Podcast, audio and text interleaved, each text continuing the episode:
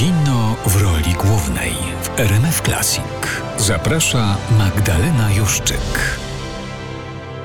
W kinie mnóstwo jest dróg prowadzących do świata gier wideo i branży growej. Wystarczy wspomnieć chociażby oglądany w mijającym roku chyba przez nas wszystkich serial The Last of Us który był ekranizacją gry. Gry zatem uznawane są już za efekty działań artystycznych czy intelektualnych, co lokuje je wyżej niż zwykłą lub też prymitywną rozrywkę, a i za taką były dawniej uznawane. Do programu Kino w roli głównej zaprosiłam Jakuba Szamałka, współtwórcę m.in. Wiedźmina, wydanego przez CD Projekt, autora, którego pisarstwo stało się bazą dla filmu Piotra Adamskiego Ukryta sieć. Kilka dni temu film pojawił się na jednym z portali streamingowych, a ja zapraszam do wysłuchania rozmowy z Jakubem Szamałkiem, który wraz z reżyserem i Łukaszem M. Maciejewskim stał się scenarzystą tego filmu. Po warszawskiej premierze, która odbyła się 1 września, rozmawialiśmy łącząc się online, bo Jakub Szamałek na stałe mieszka w Kanadzie. Najpierw spytałam pisarza, doświadczonego twórcę z game devu, o jego podejście do gry wideo jako dzieła istniejącego w sferze kultury. Gry to jest e, bardzo ciekawe i bardzo szerokie medium z nieco niefortunną nazwą, bo już sama nazwa gra sugeruje, że to jest taka czysta rozrywka, coś, co ma sprawić po prostu frajdę, tak jak, nie wiem, gra w klasy albo gra w chowanego. Natomiast y, gry są bardzo, bardzo różnorodne. To jest troszeczkę tak, jakbyśmy mówili, że film to jest zarówno film Bergmana, reklama środka na zatwardzenie, którą można zobaczyć w telewizji, i materiał instruktażowy, jak zapiąć pasy w samolocie. No to owszem, no to wszystko jest film nagrane kamerą, ale no, są to bardzo różne twory. No i podobnie jest z grami moim zdaniem. To znaczy, że są gry, które rzeczywiście aspirują do miana sztuki i próbują w tym nowym, unikalnym medium opowiadać poruszające historie, które dadzą nam i materiał do refleksji, i katarzis, i tam po drodze jeszcze może trochę rozrywki. No a są takie, które takich ambicji absolutnie nie mają i są robione tylko powiedzmy z pobudek komercyjnych. Mnie ciągnie zdecydowanie do, do tych gier, które mają, mają te ambicje i, i chcą opowiadać historię, bo przede wszystkim myślę o sobie jako scenarzyście, pisarzu. I to, co wciąga mnie i trzyma w tym świecie gier, to jest właśnie to poczucie, że to jest nowe medium, nowy sposób ekspresji, to nie jest tak jak z książkami, że już od tysięcy lat są pisane i stworzyć coś naprawdę świeżego to jest wielkie wyzwanie. To nie jest na tak jak z filmem, który też swoją ścieżkę przeszedł i, i, e, już wiemy, że jak pojedzie pociąg w stronę kamery, to widzowie już nie podskakują w krzesłach i nie piszczą. Film też już ma swoją historię i pewne takie utarte sposoby robienia e, czy tworzenia dzieł kultury. Mm -hmm a w grach jest tak, że codziennie mam wrażenie w pracy się dowiaduję czegoś nowego o tym medium i też z racji tego, że ono jest bardzo ściśle powiązane z rozwojem technologicznym, to cały czas się zmienia. No i ten element wyboru, sprawczości gracza sprawia, że ta historia się pada troszeczkę inaczej niż we wszystkich innych linearnych mediach. Także ciekawe pole. Czerpię głęboką satysfakcję z pisania i stworzenia i historii, i, i, i, budowania światów. Lubię to robić w różnych mediach, każdy z nich ma swoje. Specyfikę mm, swoją. Mhm. Specyfikę, stawia wyzwania różne i też trochę wymaga innych narzędzi, które mam, mam w swojej skrzyneczce. Jak bardzo mhm. pasja towarzyszy panu w tych działaniach, zarówno literackich, jak też w działaniach tworzenia gier? Hmm. W dużym stopniu oczywiście, bo no jeżeli ktoś miałby realizować ambicje, żeby zarabiać dużo pieniędzy, żyć stabilnie i się nie stresować, to by nie tworzył kultury, bo to jest zawsze wyboista droga. Powiedziałbym, że pasja ma bardzo duże znaczenie i myślę, że bez pasji jest ciężko funkcjonować w tej niszy. Odbijam się od tematu pasji w kontekście bycia scenarzystą filmu.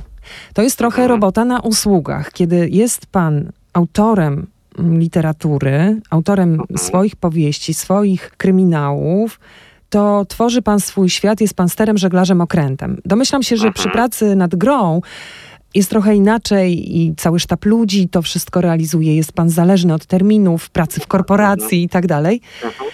A zatem Jakub Szamałek, wkraczający do świata kina, i tu mierzący się jako pasjonat swojej roboty mhm, mhm.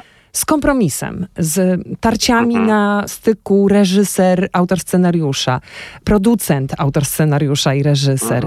to chyba można oszaleć, gdy się zaznało Mhm. pasjonackiego realizowania autonomicznego swojej wyobraźni. To było bardzo ciekawe doświadczenie, ale zasadniczo pozytywne. Ja to fajnie wspominam i, i cieszę się, że miałem taką przygodę. Faktycznie jako pisarz no, mam pełną swobodę i, i co tylko papier zniesie, to, to mogę napisać. Pytanie potem, czy wydawca to wyda, ale napisać mogę. E, Natomiast, No chyba panu już w tej chwili nikt nie odmawia, panie Jakubie. No, nie zdarzyło się, ale zawsze się zdarzyć może. Mhm. No, jednak trzeba uważać, z tym się pisze. Natomiast jako scenarzysta gier komputerowych, a zajmuję się tym też no, już po- ponad 10 lat, to tutaj, tak jak wspomnieliśmy, jest to praca zespołowa i zespół jest bardzo duży, jest bardzo wiele czynników, które trzeba brać pod uwagę, więc spodziewałem się, że w filmie będzie podobnie, że to nie jest tak, że ja teraz będę wytyczał kierunek i się rzeczy będą działy zgodnie z, z moją wizją, tylko wiedziałem, że, że trzeba będzie się dogadać. Zależało mi na tym, żeby być częścią tego projektu, żeby nie, nie, nie zrobić tak, że, że oddaję prawo do ekranizacji i, i następnym razem się widzimy na premierze w kinie. Mhm. A to z tego względu, że mm, ja lubię się uczyć, lubię poznawać nowe rzeczy i, i sobie pomyślałem, że to no, super okazja, żeby poznać kino od, od kuchni, wejść jakby w ten świat z takiego wysokiego C, że właśnie nie zaczynać od kręcenia klipu reklamowego czy jakiejś krótkiej formy, tylko wejść od razu współpracować nad dużą produkcją. A po drugie, no jednak też chciałem, żeby pewne rzeczy, które mi się wydawały kluczowe w książce, żeby się zawarły w filmie. I tu nie chodziło o to, że moja Julita ma kasztanowe włosy, więc taka musi być też yy, Aktorka. aktorka, która będzie grała, albo że jakieś tam wydarzenie się toczy na ulicy Mokotowskiej w Warszawie, więc broń Boże się nie może toczyć na ulicy Grochowskiej, tylko raczej chodziło o takie mm, myśli przewodnie, czy towarzyszące bohaterom na temat roli technologii w ich życiu i atmosfery zagrożenia, które może się wytworzyć, kiedy mamy poczucie, że po drugiej stronie tego światłowodu jest ktoś, kto nam źle życzy. Blisko współpracowałem z reżyserem, z Piotrem Adamskim i on razem właśnie ze mną, ale przede wszystkim z Łukaszem Maciejewskim, scenarzystą filmowym, Mhm. współtworzył scenariusz tego filmu. Doświadczonym bardzo scenarzystą, dodaję. Tak, tak, tak. Więc spędziliśmy wiele, wiele, wiele, wiele chwil razem przy mm, tablicy z karteczkami, rozprysowując, rozpisując, szukając sposobów na to, żeby właśnie wycisnąć z pierwowzoru to, co jest fajne i ciekawe i opowiedzieć tę historię językiem filmu. Gdyby to porównać do tego, jak się pracuje w CD Projekcie, czy to jest y, właśnie droga kompromisów, utarczek słownych, sztuka argumentacji musi być tu na najwyższym poziomie, czy jednak y, tworzenie gry w wielkim konglomeracie jest y, zgoła odmiennym dla Pana doświadczeniem po tym, co przeżył Pan z Piotrem Adamskim jako reżyserem przy pracy nad filmem Ukryta sieć. Gdyby Pan mógł porównać tę strefę wolności, autonomii myślenia, zarówno w pierwszym świecie, jak i w drugim. Mhm. Znaczy i tu, i tu są pewne ograniczenia. Jeżeli chodzi o film, to szybko się przekonałem, że, że jakby ograniczenia są dwa bardzo istotne. Pierwsze jest takie, że no, film trwa między półtorej a dwie godziny. Może Martin Scorsese sobie może nakręcić pięciogodzinny film, ale, ale raczej, no dobrze, nawet powiedzmy, że trzy godziny. No tym niemniej jednak się trzeba zawrzeć no, w jakiejś ograniczonej e, długości, a w związku z tym ta historia też musi być no, do opowiedzenia w tym czasie. A Mhm. kiedy na przykład piszę książkę, to mogę napisać książkę, która będzie miała 300 stron, a mogę napisać książkę, która będzie miała 700 stron i raczej nikogo tam w wydawnictwie to nie zdziwi i nikt nie będzie narzekał. Także tutaj powiedział bardzo konkretny limit długości filmu był na pewno czymś, co mieliśmy na uwadze. No a druga rzecz jest taka, że trzeba opowiadać historię obrazem, a nie, Słowami e, a nie dogadywać. słowem. Mhm. I że oczywiście w filmie jest dialog, ale, ale no jakby nie sam tekstem scena stoi, tylko coś musi być w niej, co też no, aktywuje ten zmysł wzroku i sprawia, że na ekran chce się patrzeć. Mm, No i na samym początku e, to, co zrobiliśmy, to było takie ćwiczenie, które wiedzieliśmy, że się skończy porażką, ale próba wyobrażenia sobie mm, filmu jako e, adaptacji książki scena po scenie, jeden do jednego. Mhm. No i nam wyszło, że taki film to by trwał około 6 godzin, więc zdecydowanie za długi.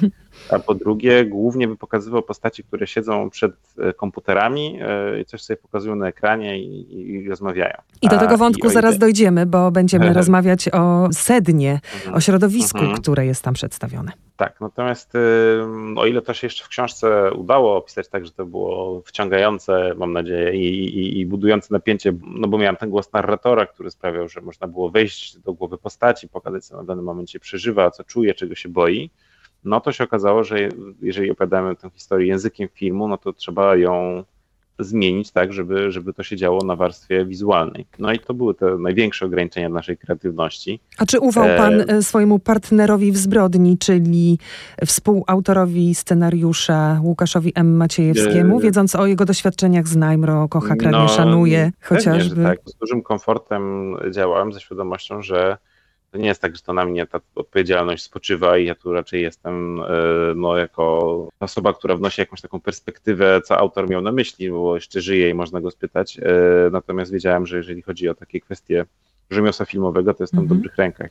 Się sprawdziło i też e, no, bardzo mi się dobrze pracowało z Piotrem, który właśnie ma świetną wyobraźnię wizualną. Zwąchałam ten talent tak. od czasów mhm. filmu Eastern. Otwarcie to jest też film, który przynosił reżyserowi sukcesy. Niemniej kina gatunkowego nigdy bym nie podpięła pod jego charakter pisma w kinie. Mhm. I jeżeli to się łączy z tą myślą, którą panu przerwałam, to możemy wrócić do niej. Miałem teraz powiedzieć, a z kolei w grach są inne ograniczenia i inne wyzwania. I to, co dla mnie było ciekawym procesem, to było zrozumienie, co w grach jest tanie w realizacji, a co jest drogie w realizacji. I o pieniądzach rozmowa. E, tak, tak. No to też jest jakby ważny aspekt tego wszystkiego. Trzeba się zmieścić w budżecie, prawda? Mhm. Natomiast w grach to jest szalenie nieintuicyjne. Pamiętam, jak zacząłem pracować w teleprojekcie, napisałem taką scenę, właśnie taki krótki przerywnik filmowy, w której jedna postać stała przed lustrem i rozpuszczała włosy i, i czesała, a druga zapinała koszulę i coś tam między sobą gadali. No i w teatrze czy w kinie, no to by była scena bardzo prosta do realizacji, no bo jedne czego trzeba, no to dwoje aktorów i jakieś bardzo proste rekwizyty. Natomiast jak właśnie wysłałem ten scenariusz do innych kolegów, koleżanek, którzy, którzy mieli jakby tę wizję przelać na inne już podsystemy gry, no to oni wrócili do mnie spanikowani, powiedzieli, no co ty, przecież to jest animacja palców, to jest bardzo trudne, plus zaginanie tkaniny, to się strasznie ciężko robi a do tego jeszcze włosy, przecież y, totalnie nie jesteśmy w stanie animować włosów, tylko one są w ustalonej mm -hmm. pozycji z góry. Więc było ile, ileś tam rzeczy, które się okazało w tej prostej pozornie scenie były ciężkie do realizacji. Natomiast gdybym chciał, żeby smok przyleciał nad miastem, zionął ogniem i, e, i żeby piorun strzelił z nieba, no to to mogą mi zrobić przed lunchem, to mm -hmm. żaden problem. Świat gier jest tak unikalny i trochę dziwny, że, że samo zrozumienie tego, co jest drogie, gdzie są te limity, czy ograniczenia i z czego one wynikają, jest wyzwaniem samo w sobie. Natomiast największym takim wyzwaniem przy robieniu gier, e, które mają jakiś element fabularny, bo też nie każda ma, to jest ożenienie właśnie tej historii z tym, co gracz robi w momencie, kiedy nie bierze udziału w jakimś dialogu, nie odsłania kolejnego rozdziału historii, bo czasami Aha. jest tak, że w grach to, co gracz robi, a to, co słyszy, stoi w kontraście i nie, nie współdziała ze sobą. Wtedy taka gra zwykle się nie sprawdza, bo gracz przestaje wierzyć, być zaangażowany w tą historię, jeżeli ona nie rezonuje z tym, co się dzieje na ekranie. Więc największym wyzwaniem dla nas, takim artystycznym ograniczeniem, ale też i wyzwaniem jest znalezienie sposobu na to, żeby to, co się dzieje na warstwie tekstu, na warstwie dialogu, współgrało z tym, co się dzieje na tej warstwie mechaniki rozgrywki, czyli na przykład to, że jeżeli e, trzymając się przykładu Wiedźmina, Wiedźmin opowiada o tym, że jest zabójcą potworów, to żeby gdzieś te potwory się przewijały i żeby można było poczuć, na czym polega ten jego zawód i styl życia, a nie tylko o tym słuchać w trakcie rozmów, jak jest nam to opowiadane. W kinie podobnie. Ta mhm, potrzeba no, istnieje. Mhm. Tak, tak. Tylko, że w kinie mam wrażenie, że to jest kwestia ożenienia tekstu z obrazem. A tutaj e, jest ta jeszcze warstwa mechaniki, czyli Aha. tego, jak się w tę grę gra. W każdym razie efekt jest też mhm. jakoś e, podobnie pożądany. A mhm. skoro w tych wizualnych e, jesteśmy wątkach, motywach czy temacie, to Piotr Adamski miał dla mnie taki charakter artysty ze sztuk wizualnych wręcz. Mhm. Eastern był dla mnie zaskakujący pod względem języka filmowego. I nagle okazuje się, że sięga po kino gatunkowe. Proszę wybaczyć, ale zupełnie sobie nie wyobrażałam takich elementów, które w jakimś maleńkim stopniu są w obrazie w waszym filmie, mhm. bo one do tego kryminału wydawały mi się być zbyt prestiżowe, mhm. artystyczne, mhm. wizualne.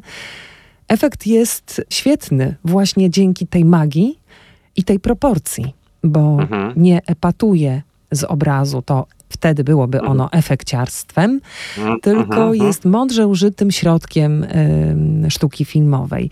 Pan wiedział na etapie współpracy scenariuszowej, że ma pan takiego partnera? Tak, Mhm. to bardzo szybko się można było wyczuć, że Piotrek no, ma ambicje, żeby to nie był film od sztancy, żeby to nie było czyste kino rozrywkowe i też trochę dlatego właśnie Piotr został zaproszony do współudziału, współtworzenia tego obrazu. Miał pan wpływ Ja na te decyzje? Nie konkretnie na, na to, żeby zatrudnić Piotra, czy zaprosić go do tego, żeby, żeby Mhm. rozważył reżyserię tego filmu.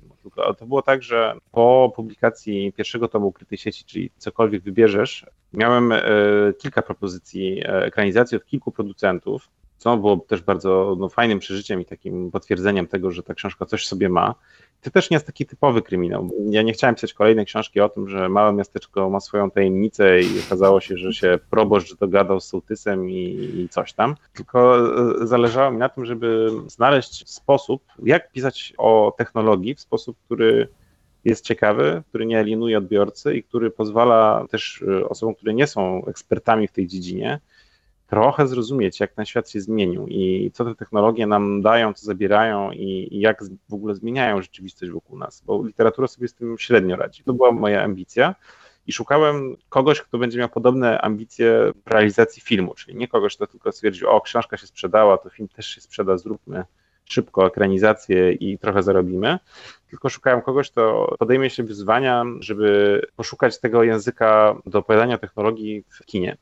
I widziałem od razu, jak się spotkałem z Jurkiem Kapuścińskim i Wojtkiem Kabarowskim, którzy byli producentami artystycznymi przy tym projekcie.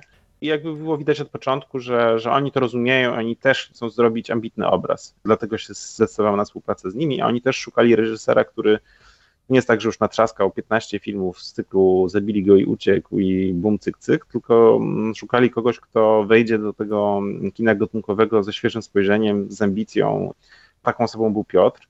No ja od początku czułem, że to nie jest rzemieślnik, tylko artysta. Filmowiec, który szuka niebanalnych, fajnych rozwiązań, który ma bardzo wysokie wymagania i wobec siebie, i wobec swoich współpracowników. I też ma doskonały zmysł wizualny. Piotrek w ogóle zaczynał jako artysta wizualny Tak. i to czuć. Także było widać, że, że, że jak tylko mówiliśmy o jakiejś scenie, to, to Piotr już wiedział, jak poprowadzi kamerę, mm, jak ustawi aktorów, co tam się będzie działo w drugim planie, a co na pierwszym i no, byłem pod wielkim wrażeniem jego, jego talentu i kunsztu. Ja mam podobnie i nie ma kompromisu, jeśli chodzi o jego charakter pisma i wymogi, jakie mogłyby być kładzione na, na takim filmie jak thriller i kino gatunkowe w ogóle. Technologia to jest y, taki bohater filmów, było tego trochę, który Mhm. zawsze był skompromitowany przez nieudolność świata filmu, przedstawienia tych elementów. I to na pewno jest rzecz, o której będziemy rozmawiać za moment, bo wyprowadziłabym jako główny motyw coś, co weryfikuje rzetelność pana roboty Mhm. przy pisaniu literatury. To temat dziennikarstwa śledczego. Panie Jakubie, czy pan jest kameleonem, który się Mhm. przetworzył na 10 lat? Pracował pan w jakiejś redakcji i poznał pan od kuchni ten zawód, ginący zawód, dodajmy. Czy jest tak, że zrobił pan niebywały research i ma pan ogromną empatię do opowieści y, reprezentantów tego zawodu i stał się pan poniekąd jednym z nich? Nie jest to też y, sexy temat dla kina Mhm. Mhm. bo to są problemy jakiegoś zawodu, który jest trudny, o którym się już zapomina. Redakcje nie mają pieniędzy na finansowanie działań dziennikarzy śledczych. No jest to rzecz w odwodzie. A pan stawia to na piedestał, a w filmie przedstawić właśnie branżę tak nieatrakcyjną wizualnie lub trudną do przedstawienia, to trzeba chyba być ryzykantem. Jak Mhm. to się zaczęło, że Mhm. wybrał pan taką tematykę dziennikarstwa Em, śledczego, za co bardzo panu dziękuję tak na mm. marginesie.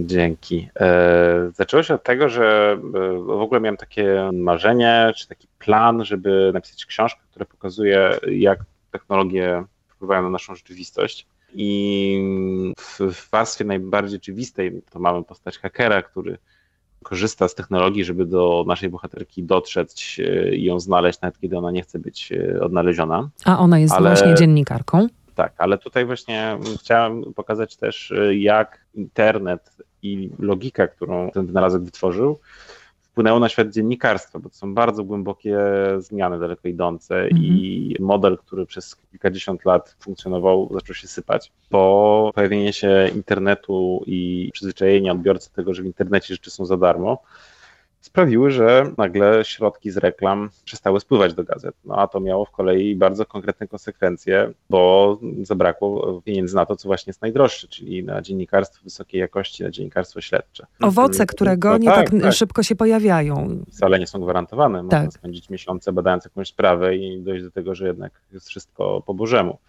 Natomiast dziennikarstwo doby internetu ma też bardzo dużo informacji zwrotnej na temat tego, co robi odbiorca, co czyta, co ogląda, co klika, co wcale nie jest takie dobre, bo okazuje się, że łatwo jest podążyć taką ścieżką, żeby maksymalizować te reakcje e, czytelników i rzucać, produkować tylko ten e, content, który sprawia, że jesteśmy rozgrzani do czerwoności, że denerwujemy się, że, że klikamy i, i spędzamy w internecie czy na, na tym konkretnym portalu coraz więcej czasu.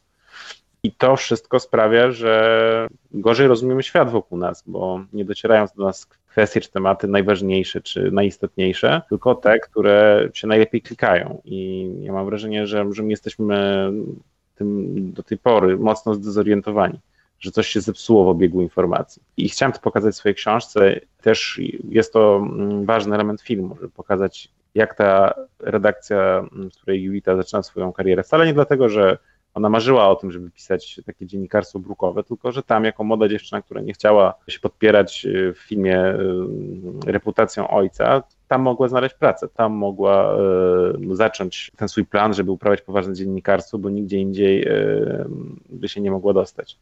I chcieliśmy pokazać właśnie, jak pogoń za klikiem, do czego może doprowadzić, co może spowodować. To jest y, gorzki element w tej opowieści z punktu widzenia ludzi mediów, a pan idzie dalej na etapie researchu, jak to właściwie jest dzisiaj w mediach, bo wchodzi pan w mroki bolesnych sfer naszego publicznego życia, mroki takie, z którymi nie jest łatwo w ogóle funkcjonować, myśleć, działać mhm. w codzienności swojej.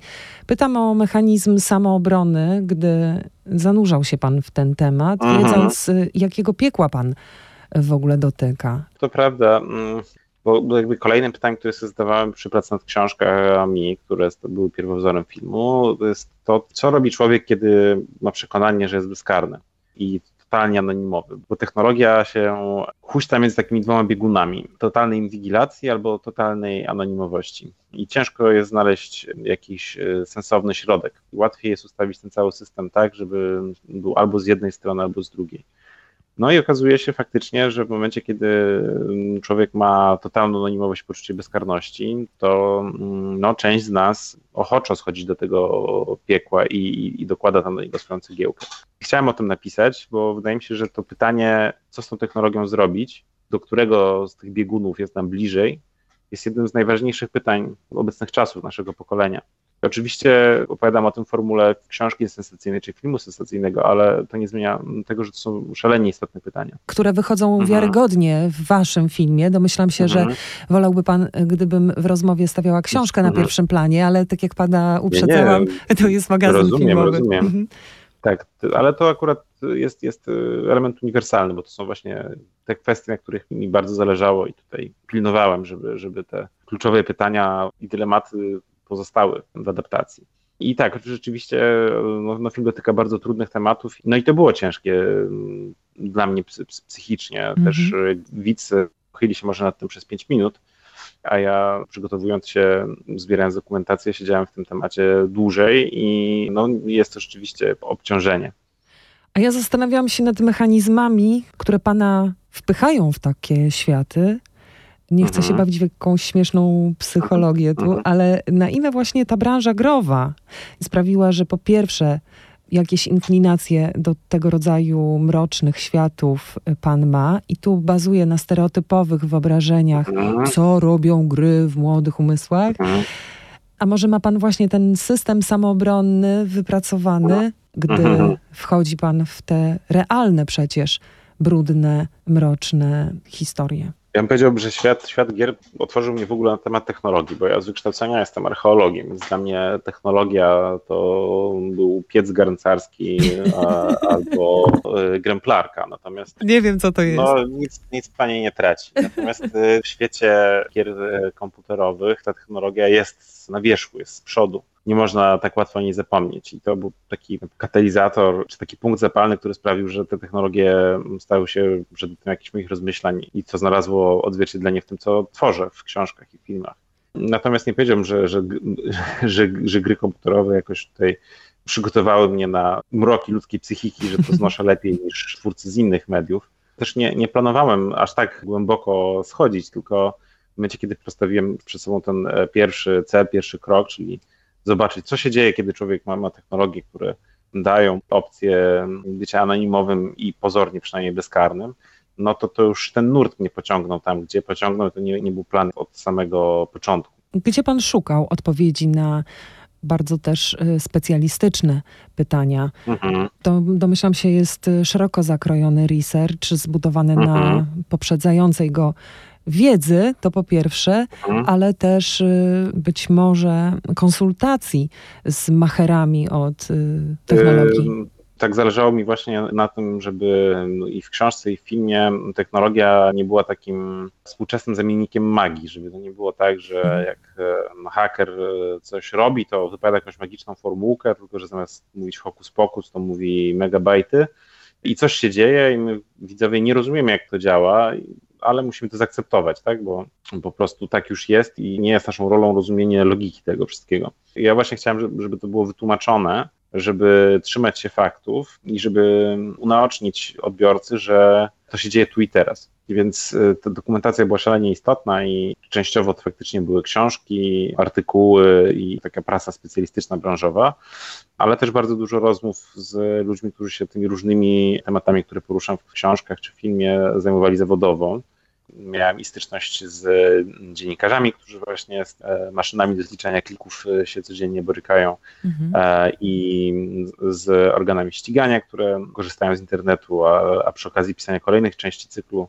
też z osobami, które prowadzą w internecie kampanie wyborcze. Mhm. Także dużo bardzo ciekawych rozmów odbyłem, przygotowując się do tworzenia ukrytej sieci i, i książkowej, i filmowej. I muszę powiedzieć, że to było też dla mnie bardzo fajne doświadczenie, bo lubię się uczyć nowych rzeczy i poszerzać swoje horyzonty, i to na pewno była okazja do tego. Poszerzył Pan też nasze research w świecie dziennikarskim. Czy mhm. szefowie newsroomów są dla Pana, byli dla Pana takimi przewodnikami? Czy oni też nie mają tej specjalistycznej wiedzy na temat niuansów y, dziennikarstwa, jakie Pan mhm. przedstawił w, w swojej książce? A siłą rzeczy teraz oglądamy w filmie. Jak bardzo to są świadomi tych niuansów y, ludzie? może być pan bezlitosny dla braci dziennikarskiej. Nie, są, są świadomi. E, I ja myślę, że dziennikarze może nie, jakby nie każdy dziennikarz zna bardzo konkretne, specjalistyczne szczegóły tego, jak działają nie wiem, konkretne programy czy algorytmy, natomiast są bardzo głęboko świadomi tego, e, jak internet przeorał ten zawód i że mm -hmm. sporo zabrał, a to, co dał w zamian, niekoniecznie kompensuje te straty. Ja myślę, że to nie, nie jest tajemnica dla przedstawicieli tego zawodu tylko wydaje mi się, że to my, odbiorcy mediów, informacji, nie do końca sobie zdajemy z tego sprawę, bo mam wrażenie, że myślimy, że kiedyś czytaliśmy rzeczy na papierze, teraz czytamy na telefonie i to jest to różnica, a głębia tych zmian jest, jest znacznie większa. Teraz boimy się AI y, w mediach, w stacjach radiowych, to naprawdę jest widmo przerażające.